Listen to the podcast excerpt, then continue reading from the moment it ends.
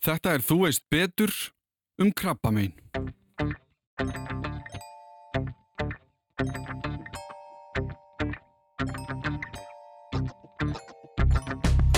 Almennt séð þá ertu með langa oftast sem sagt læknalegt krabbamein ef þú finnur það nægilega snemma þannig að þú getur bara látið eitthvað góðan skullæknis bara skera þig burtu. Það er rétt að taka fram að langt flestir sem eru með svoleiðsengin þeir eru bara alls ekkert með krabbamein. Og það er bara svo margt svona sem við erum ekkert algjörlega með 100% puttan á.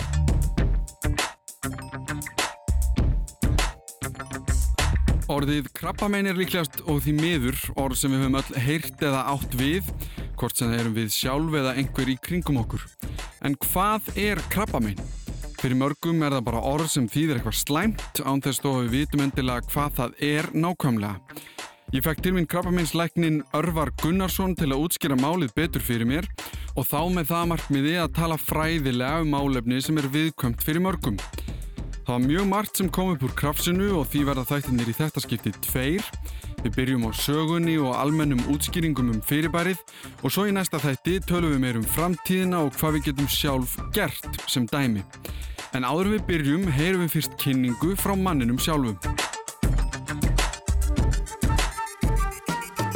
Heyrðu, það er Örvar Gunnarsson, grábæmisleiknar á landsbytalanum og það er einnig bara það sem ég gerir náttúrulega, bara að vinna við grábæmisleikningar þar. Ég er mest með uh, lúnankrabamennin, svo er það meldingar, færa krabamenn og, og eitthvað líka þagfæra krabamenn. Þannig ég hef ekki farið uh, cirka 99, útskjáðast 2005, fór síðan í lifuleikningar hérna á Íslandi, kláraði það júni 2009 og byrjaði síðan í júlís á Boston University Medical Center út í Boston, aftur í liflænsveið, gaman að taka það tveisvar. Tók þrjú ár síðan til Boston, fór síðan til Philadelphia þar sem ég læriði það sem heitir Hematology and Oncology, sem blóðuleiknisfræði og gráðinsleiknisfræði. Það var við University of Pennsylvania. Fókusin var fyrst og fremst á krabbameinsleikningarnar eða það sem amerikanir kallar Solid Oncology. Svo kláraði ég þar sem sagði 2015 og byrjaði í raunin bara í lók júni 2015 hérna á landsbyttanum.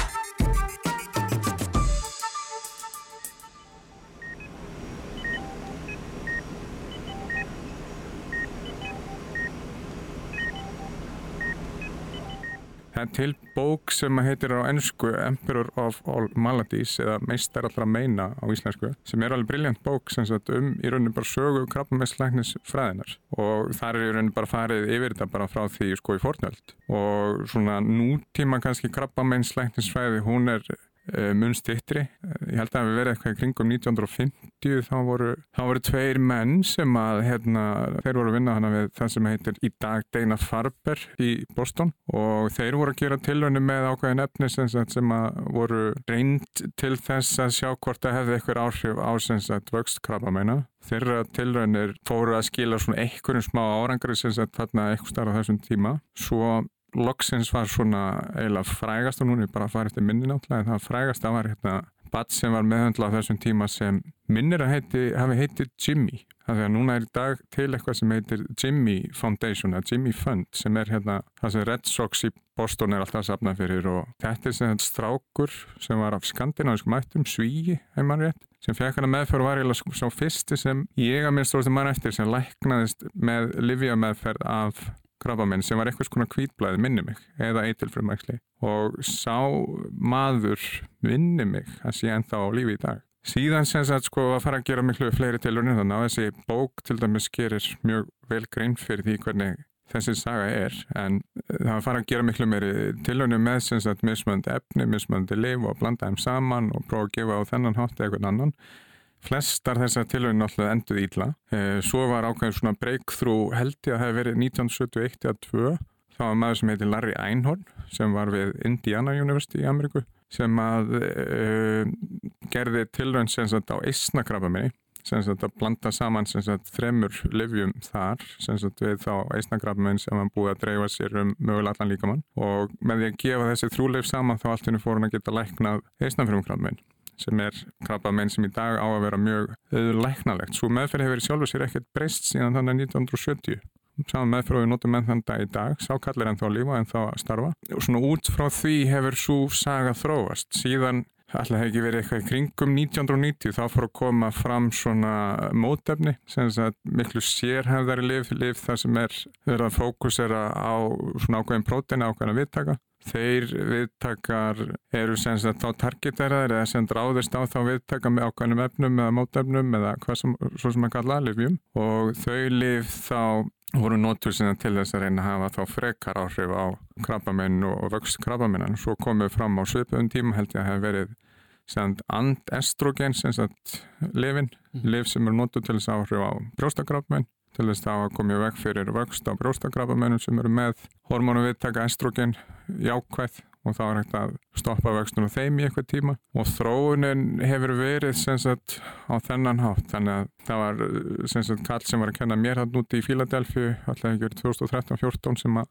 sagði þá þegar hann var að kenna okkar hóp sagt, að hann heldi og væri alveg vissum að það myndi engin önnur svona grafaminsleif koma fram sem eru þannig að þau eru frumu drefandi þessi líf sem að fólk var alltaf að sjá í, í bíómyndunum í gamla þar sem fólk fekk eitthvað lifameðferð og svo bara sínt hvernig fólk bara hérna, lág í gólfinu á ælandi eða var alveg að gefast upp. Þau liv að þau væru ekki það var engin ný liv svoleiðis að fara að koma fram í framtíðir það væru allt frekar svona liv sem hefur svona ákveðin tilgang eða ákveðina virkni sem við vissum hvernig væri og vissum hvernig við værum að fara að ráðast á krabba minna á þann hátt Var það sem sagt byrjunin á þessum livjum að voru þau þá, þau bara drápu frumunar? Já, og, og það er í rauninu það sem við kallum sko svona ósertak krabaminsleif, krabaminsleif sem að virka þá þannig sem sagt á frumurringin og frumurringurinn er þannig að það er alltaf verið að sem sagt ákvæmna frumur, alveg svo blóðmyndandi frumur eða bara hárið hjá okkur eða hvað nú er sem er að frumur í meldingaverum sem er alltaf að endur nýja sjálfa sig mm -hmm.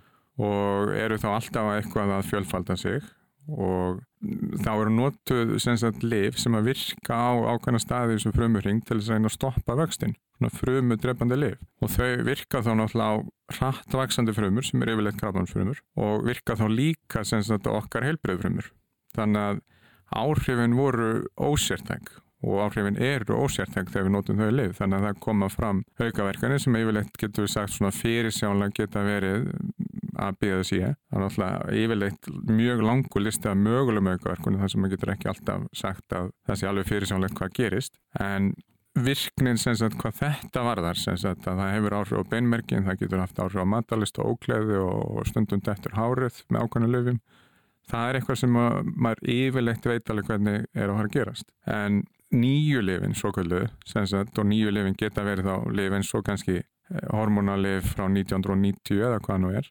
Þau virka sagt, á ákveðin sértækanhátt sem virka þá á ákveðnar frumulínur, ákveðnar frumugerðir sem eru þá með ákveðin enkenni sem er þá miklu öðveldar að ráðast á. Þannig að það er kannski ekki, komur að segja, sömu almennu aukaverkandar eins og getur annars fyllt þessum gamlu lifin Hvað, sko, nú að því ég Ég talaði við Kára Stefánsson um erfðir mm -hmm. einhvern tíman eh, fyrir árinu sko, ég er að velta fyrir mér hvað kemur að undan ekkið að hænan sko að því að við byrjum kannski á því að, við, að það er eitthvað, eitthvað mein mm -hmm. sem var ekki búið að nefna krabbamein en það bara byrja, að þú nefndir hérna bara eh, já. þú veist byrjum söguna krabbamein er einhvern tíman já, já. fyrir lungu lungu síðan þannig að fólk er búið að vera að fá krabbamein í mjög langan tíma Akkurat og þá kannski var byrjað eins og þú segir að prófum bara, heyrðu, prófum bara að reyna að drepa prófum bara að gera eitthvað já, prófum bara að gera eitthvað og sjá já. hvernig það virkar já, já. þarf þá, þú veist, er sagan þá búin að vera þannig að það er búið að vera að rannsaka krabbamennin og hvernig þau virka og síðan að búa til liv sem að sko svara því hvernig krabbaminnið virkar, eða hvað? Eh Já, sko, mér er sem sko þegar maður hugsaði tilbaka þá, þá hérna, minni mig líka sko til dæmis eins og sinnefsgas sem var notað alveg öruglega í fyrri heimsturöldinu og ég held ekki í setni heimsturöldinu, kannski eitthvað að þegar þeir herrmenn voru sem sagt rannsakað þá kom í ljós að sinnefsgas hafði sem sagt mikil áhrif á beinmerkin hjá þeim. Sem þannig að oft reynsaði þetta alltaf út beinmerkin, við minnum að það hefði verið þannig. Reynsaðan út? Já, sem sagt blóðmyndandi frumundnar í beinmerknum mm að sinnefska sem sagt með minnir og ég náttúrulega er ekki með þetta alveg í góðunum minnir að hafi sem haft þau áhrif. Og þá náttúrulega sér fólk það og fer að hugsa býta en getur við nota þá eitthvað skonar útgáfi af svona lefjum til þess að reyna að áhrif á þannig gerður að krabba minnum og svo hefur það í rauninu bara verið sagan sem það er verið að koma í ljós að þú gerir eitthvað og svo komi í ljós eitthvað er kannski ákvæmnar aukaverkan af því sem helst þú er að fara að gera og svo notar það er aukaverkan til þess að sjá hvort þetta geti virka á krabba minni. Þannig að þannig sko var læknisvæðin taldið í gamla dag. Það voru mjög svona kannski tilviljana kendar tilunir sko með bara eitthvað, Mm. sjá hvort það hefur áhrif á eitthvað og sjá bara síðan hvað gerist. Og ef það virkar, þá virkar það. Það virkar, ekki, það virkar það ekki og eða virkar og, og svo virkar eitthvað ekki og, og svo reynur að ræða eitthvað saman. Mhm, Þannig að þetta var svona stundum daldið brútal tilunni líka. já. En að því við vitum að sum krabbamein eru af náttúrunar, eða þess að, já, af, já. hvað myndum að segja, Hin- lif- hin- Hinn spurningi með þá erðirnar og, og það allt. já, Já, þú veist, við vitum að, að lúnakrabbamein, eins og þú sér að verði í, ég menna, Kári Já. Stefánsson sagði að það er 95% vegna þess sem við gerum, reykinga. Og, og almennt séð og klísjan er þannig sem sagt að krabbamein er samspil erða og umhverfis er það sem er alltaf hægt að segja og einfald svarið, en, en svo er það mjög mismöðandi hversu mikið samspil það er. Þú getur verið með einhverjar ákvæmlega stökkbreytingar sem að gera þig líklegri til þess að fá krabbamein og gera þig þá til dæmis líklegri til þess að fá ákveðin krabbamein, alveg eins og er alltaf verið að tala um brakka genið og brjóstakrabbamein. En staðrendin verist vera svo sem að, að við erum að fá oft einhverja unga einstaklingar sem greinast með krabbamein sem er ekkit endilega með eitthvað augljóst sem sagt í sínu genamengi eða arfgerð sem að útskýrir hversna þeir fengu krabbamein. Þannig að sko bara orðið tilviljun eða óhefni það er eitthvað sem að sem að mér finnst eiga oft vel við. En auðvitað er það náttúrulega eitthvað sem gerðist sem allir því. Mm. Sagt fólk með sem sagt, þann sjúkdóm er með þann sjúkdóm af því að það var eitthvað sem þróast út í þátt en út af eitthvað sem gerðist einhver tíman. Mm.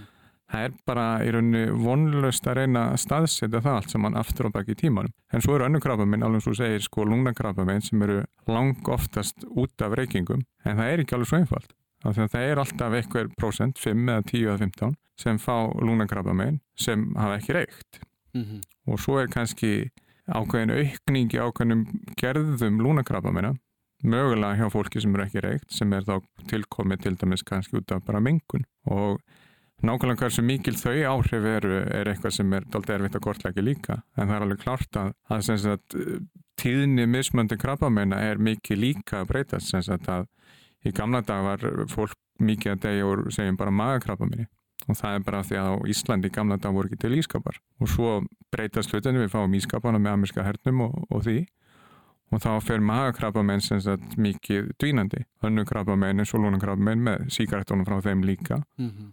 fara náttúrulega mikið upp á við. En svo er náttúrulega líka tekur langan tíma fyrir krabbamenn að myndast, það gerist ekkert bara á svona 1 og 3 þannig að tíminn sem það til dæmis tekur fyrir fólk sem er duglegt að reykja það getur tekið marga áratugir sem að þróa með sér þannig frumuskemdir eða breytingar í erðaefninu að þú náir að búa það til krabbaminn Mm. og svo eru sumir sem reykja alveg endalus mikið og fá aldrei krabbaminn og það eru svona margir hlutir sem, að, sem er ekkert alveg alltaf auðvelt að útskýra en er alltaf þessi sko gamla klísja sem er alltaf að fara tilbaka í og segja bara samplant erða á umhverfis og mismöndi mikil áhrif af, af hvori fyrir sig Mhm.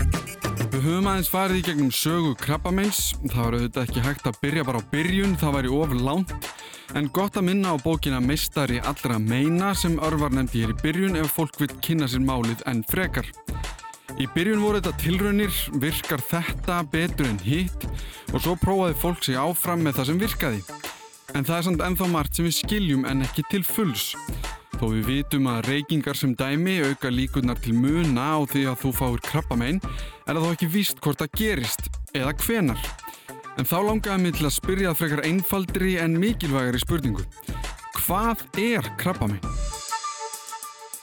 Allir krabbamein sé ekki bara skilgreint á eitthvað þannig sennilega að það sé óheftur frumuvöxtur sem er ekki að fylgja sagt, þeim leiðbenningum sem að þær frumur hafa svona í eðlisinu eða er að virða landamerki sem, sagt, sem það hefur frá öðrum frumum sagt, þegar frumurnar eru farnar að skipta sér alveg óheft og eru farnar að ráðast inn í aðra vefi, aðrar æðar eða líffæra sem eru náleg og þá er það krabba minn. En einfaldast skýringin er sennilega bara óheftur frumuvöxtur sem er ekki að fylgja leiðbenningunum sem voru gefnar upp af því. Bara ekki að fylgja uppskriftinni.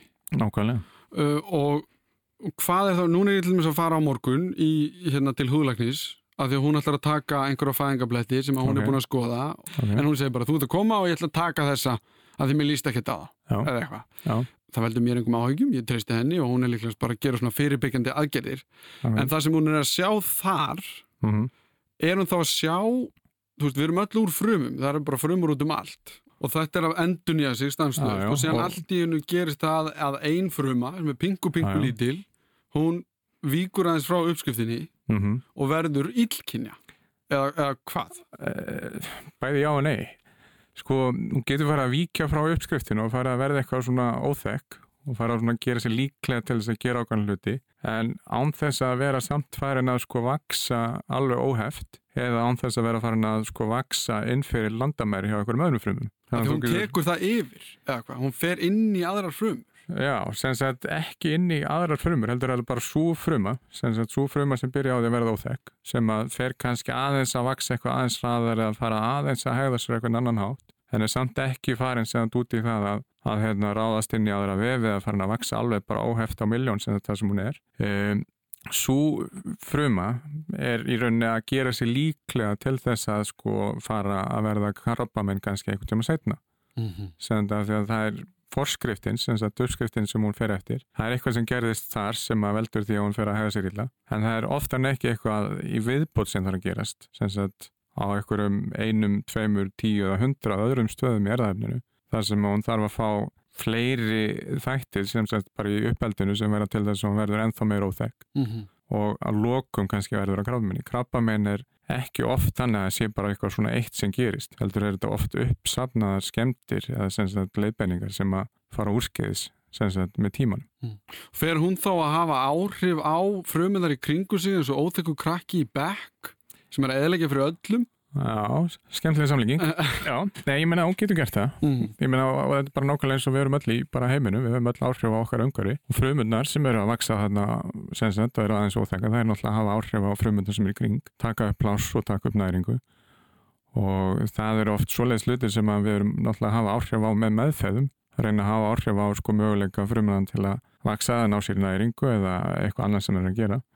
En það tekur langa oftast og ég man ekki eftir neinu tilfellin sem það er ekki í svipin þannig að það tekur sko alltaf eitthvað tíma sem þetta fyrir frumundar að, að raunverulega verða óþekkar þannig óþekkar sem það myndist krabbamein. Mm og, og svo tekur náttúrulega tölvöran tíma sem þetta fyrir krabbamein að verða þannig sem það geti vaksið og fara að dreifa sér. Og þess vegna er alltaf líka ágætt kannski þá að, að minnast á það núna að sem almennt séð og, og, og þá er maður kannski að fara að skilja á milli blóðkrabbameina og hinna krabbameina að almennt séð þá ertu með langa ofta sem sagt læknalegt krabbamein eða þú finnur það nægilega snemma þannig að þú getur bara látið eitthvað góðan skullæknis bara skera þig burtu. -hmm. en þegar það er búið að dreifa sér ef þú ert komið með lúnakrabbamein sem er farið eitthvað annað segjum bara í livrina eða nýrun eða nýrnahættun eða beinin eða eitthvað að þá ertu mjög oft komið með sjúkdóm sem þú getur ekki læknað. Mm Það eru til undantekningar frá öllu, alveg svo ég sagði með eistna krabbameinið. Það eru til undantekningar með lúnakrabbamein þar sem út bara með eitt minnvarp á einhverjum einum ákvæmum stað. En líkurnar sem þetta á að ná að lækna þá það krabbamein eru miklu verri en ef það næst snemma og þá ertu bara með þann mögulega geta fjarlægt krabban og bara ert í mun betri málum í kjölfæri og þess vegna náttúrulega er oft verið að tala um skimun og skimun náttúrulega er bara með þann tilgang að reyna að ná krabbameini nægilega snemma þannig að þú getur læknað bara strax nú, nú veldi ég fyrir mér eh, eftir einhvern ákveðin tíma þú ert með frumu sem að byrjar að hafa sér illa einhvern tíman 30 ára síðar þá ferðu, þá er eitthvað off eða eitthvað, þannig að þú fer til læknis og þú fer í skoðun og þá kemur ljós með einhvers konar krabba megin. mm -hmm. Hvað er það sem gerir fólk veikt og, og síðan, síðan endaru mögulega Já, á því að Já. deyja?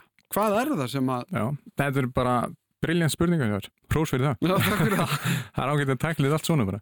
Sko, það fer fullkomlega bara eiginlega eftir því hvar krabbaminnið er. Af því að sko ágætt alltaf að nefna bara lungun en sko lungun eru til dæmis ekki líffæri sem með eitthvað sásökunema þannig að þú getur verið með krabbaminn inn í miðjulunganu sem getur þannilega séð ok- verið að vaksa alveg óheft í heilangan tíma sem er oft stór ástæði fyrir því hversu seint lúnakrabbaminn greinast oft Mhm.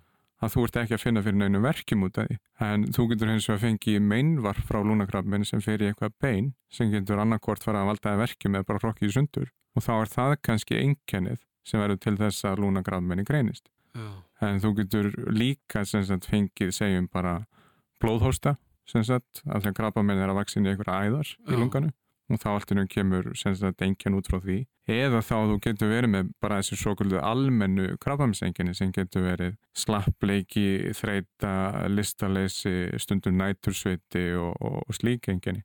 Og rétt að taka fram að langt flestir sem eru með svoleiðis enginn, þeir eru bara alls ekkert með krabbaminn. Það er náttúrulega líka Já. fínt að taka það fram ef ykkur er að hlusta. Akkurat, en, en það fer algjörlega eftir því sem að hvar krabbin væri og í rauninni bara hvaða líffæri það væri og, og, og möguleikin á því að valda engjanum sem sagt staðbundið Mm versus möguleikin á því að engjanin kannski bara komið fram út af, út af því að hann er farin eitthvað annað. Já. Ég veit að sum krabbamein eru, er kannski erfitt að orða þetta svona, en sum krabbamein eru betri fréttir en önnur Mhm. krabbamein. Ég Mhm. veit ekki alveg hver skalin er Mhm. nákvæmlega. Uh, ég meina, hann hlýtur að vera fallundi það líka bara uh, að það er hægt að skera burtu suma hluta Mhm. og það er ekki hægt að skera burtu aðra hluta. Uh, það er oft talað um ef að krabbminn eins og þú sagði komið í bein eða eitthvað slíkt að þá er það orðið erfiðara viðfangs um, en ástæðan fyrir að fólk deyr mhm. er það bara að því að krabbamennið er bara búið að gera verkum að, að líkamenn virkar ekki eins og hann á að virka eða hvað Mm, já, sko, ef, ef spurningin er sko hvað svona fólk með krabbamein deyr, Já, þá er það náttúrulega getur verið ofbóðslega fjölbreytt sko. að margt sem getur komið upp á bara tengt sjúkdónum til dæmis. Þú getur verið í meira hætt að fá blóðtappa.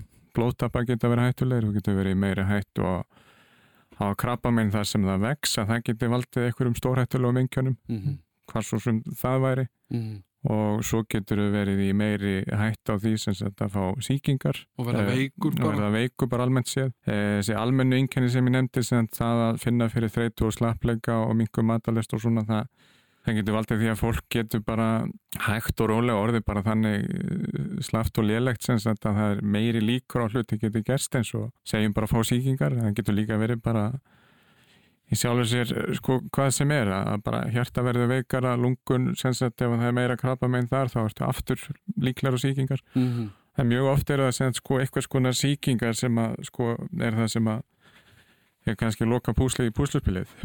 Um, en maður ætti aldrei sem sagt að aðlæfa á mikið, það getur að vera áhrif á livjum sem við erum að gefa. -hmm. og mikilvægt líka náttúrulega að taka fram að þó að öll þessi liv séu kannski gefin í góðum tilgangi þá geta þau stundum haft mjög slæmar aukaverkanir. Það er bara aftur sem sagt fyrirsjónleikin er mjög lítill. Þeir sjúklingar sem eru á mér, eru mjög vanrið að heyra svari ég veit það ekki. Já, sem sagt verður að koma í ljós, sjáum til. Maður þarf að passa sig eiginlega sem sagt að segja ekki fyrirfram, þetta verður nákvæmlega svona eða nákvæmlega hins eginn, já. Það er bara hlutir sem maður getur ekki vita Þú veist, það er í raun ekki krabba meinið sjálft sem dregur til dauða?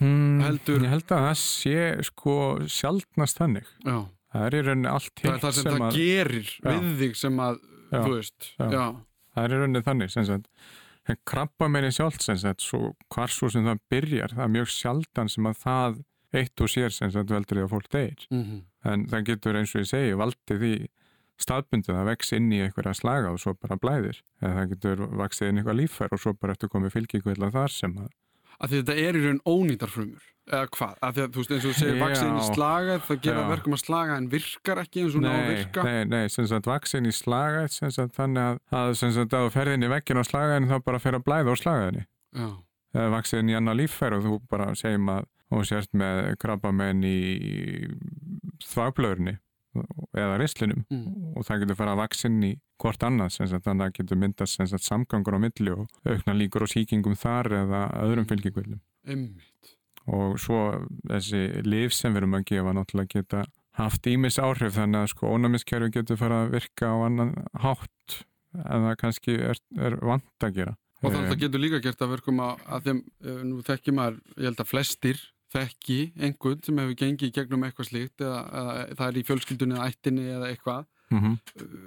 Er það ekki líka þannig að ónæmiskerfið verður veikara? Eða er það ekkert Eh, algilt? Að maður heyrir oft sko hættuflokki eða hættu... Jú, en það, það er mjög oft aldrei erfitt að setja puttan á það nákvæmlega hvað það er sem verður sko veikara í ónæmiskerfinu Mm.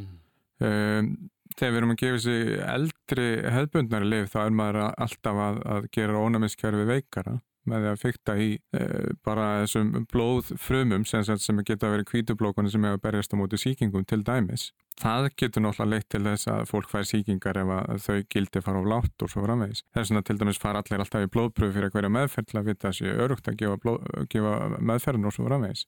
En við erum líka stundum náttúrulega að fykta í, í dónamiskerfinu með þessum ónamis örfandi livjum ef við kollum við það. Og svo er bara allt hitt sem við erum að gera sem, að, sko, sem hefur áhrif á ónamiskerfið. Mm og í rauninni er ónæmiskerfið sko hlutur sem að er, Hvað er ónæmiskerfið? Sem er gríðarlega heitlandi fyrirbæri sem við erum alltaf að reyna að skilja betur og betur og ónæmiskerfið er bara samsett af þessum Já, frumum sem eru bara mismöndi bæði því að framlega mótefni sem að eiga berja skegg síkingum eða eiga að koma í veg fyrir að fá síkingum eins og er alltaf verið að tala um þetta bólöfni við COVID sem sagt þá erum við að fara að fykta í ónæmiskerfin okkar til þess að reyna að fá mót, sko, okkar ónæmiskerfi til þess að fara að framlega mótefni eða vera tilbúið til þess að berja skegg síkingun ef hún kemur. Við erum að gefa þeim í raun vopnin. Já, já, já, en svo er verið að reyna að passa sig að gera það eins vel og hægt er þannig að við séum ekki að láta ónæmiskerfið fara að ráðast á okkur sjálf. Sagt, þannig að við erum ekki að fara að, að láta ónæmiskerfið okkar sagt, eh, búa til svo kallega sjálfsvonumissjúkdóma til dæmis. Og stundum getum við verið að fykta í ónæmiskerfinu þannig að við kannski völdum því, eh, erum að valda því að einhverjar af þessum ónæmis kerfis frumum sem er allt of flóki held ég að fara að útskjara nákvæmlega mm. núna mm -hmm. að þær geta sagt, haft áhrif þannig á umhverfi krabbamenn sem mögulega geti krabbamenni fara að vaksa eitthvað hraðar sem sagt, ekki hægar og það er bara svo margt svona sem við erum ekkert algjörlega með 100% puttan á og sko framþróun í krabbamennslækningum held ég að muni verða alltaf meiri og meiri vittneskja um ónæmiskerfið þar sem við erum alltaf að reyna að finna mismunandi leiðir sagt, til þess að uh, hafa áhrif á það hvernig ónæmiskjöruð okkar ræðist á krabbamennu eða bregst við krabbamennu. Flækustíð er bara svo gríðarlega mikið að ég held að maður geti ekki alveg sagt að það sé að fara að gerast í dag að morgun. Við fórum aðeins í það hvaða er í raun og veru sem í sumun tilveikum dregur fólk til dauða sem er með krabbamenn en eins og áður vakna nánast fleiri spurningar eftir því sem maður grefur dýbra. Krabbamein virðist vera snúin fjandi að eiga við, ónæmiskerfið, fyrirbæri sem væri hægt að gera annan, þú veist betur þáttum, spila stóra rullu, en þar komum við að öðrum hlut sem við skiljum heldur ekki alveg til fulls. En tímin í þetta skiptið er runnin út, í næsta þætti ætlum við að fara meira út í þar aðferðir sem við beitum í barátunum við krabbamein, en líka út í það hvað það er sem við getum gert til að hjálpa okkur sjálfum. Lámarka, ef hægt er að komast svo orði, líkunar á því að við fáum krabbamein og þar heyrum við til dæmis þetta. Það er náttúrulega, ok, sleppaður ekki, en það, það raunverulega skiptir alveg heilmiklu máli, ekki bara upp á lúnakrafum, en heldur mjög mörg önnur krafum. Byrju eins og, byrju, hvernig þá? Já, bara sko, það sem er í, í reiknum, það eru bara uh, ótrúlega mörg sem sagt eituröfni sem að hafa áhrif á okkar eigin frumur. Þannig að, jú, maður getur fengið lúnakrafum, en það eigur líka líkur á því að fá segjum bara vélindakrabbamein, þablörukrabbamein og, og, og sennilega hefur einhver áhrif á mjög mörg önnur krabbamein líka. Bara eitrið sem er í síkartunum sjálf. Já. Já. En þángar til í næstu viku þakka ég fyrir mig. Það er alltaf hægt að senda post á allimarat.ru.is ef einhverja spurningar vakna. Þetta var Þú veist betur um krabbamein.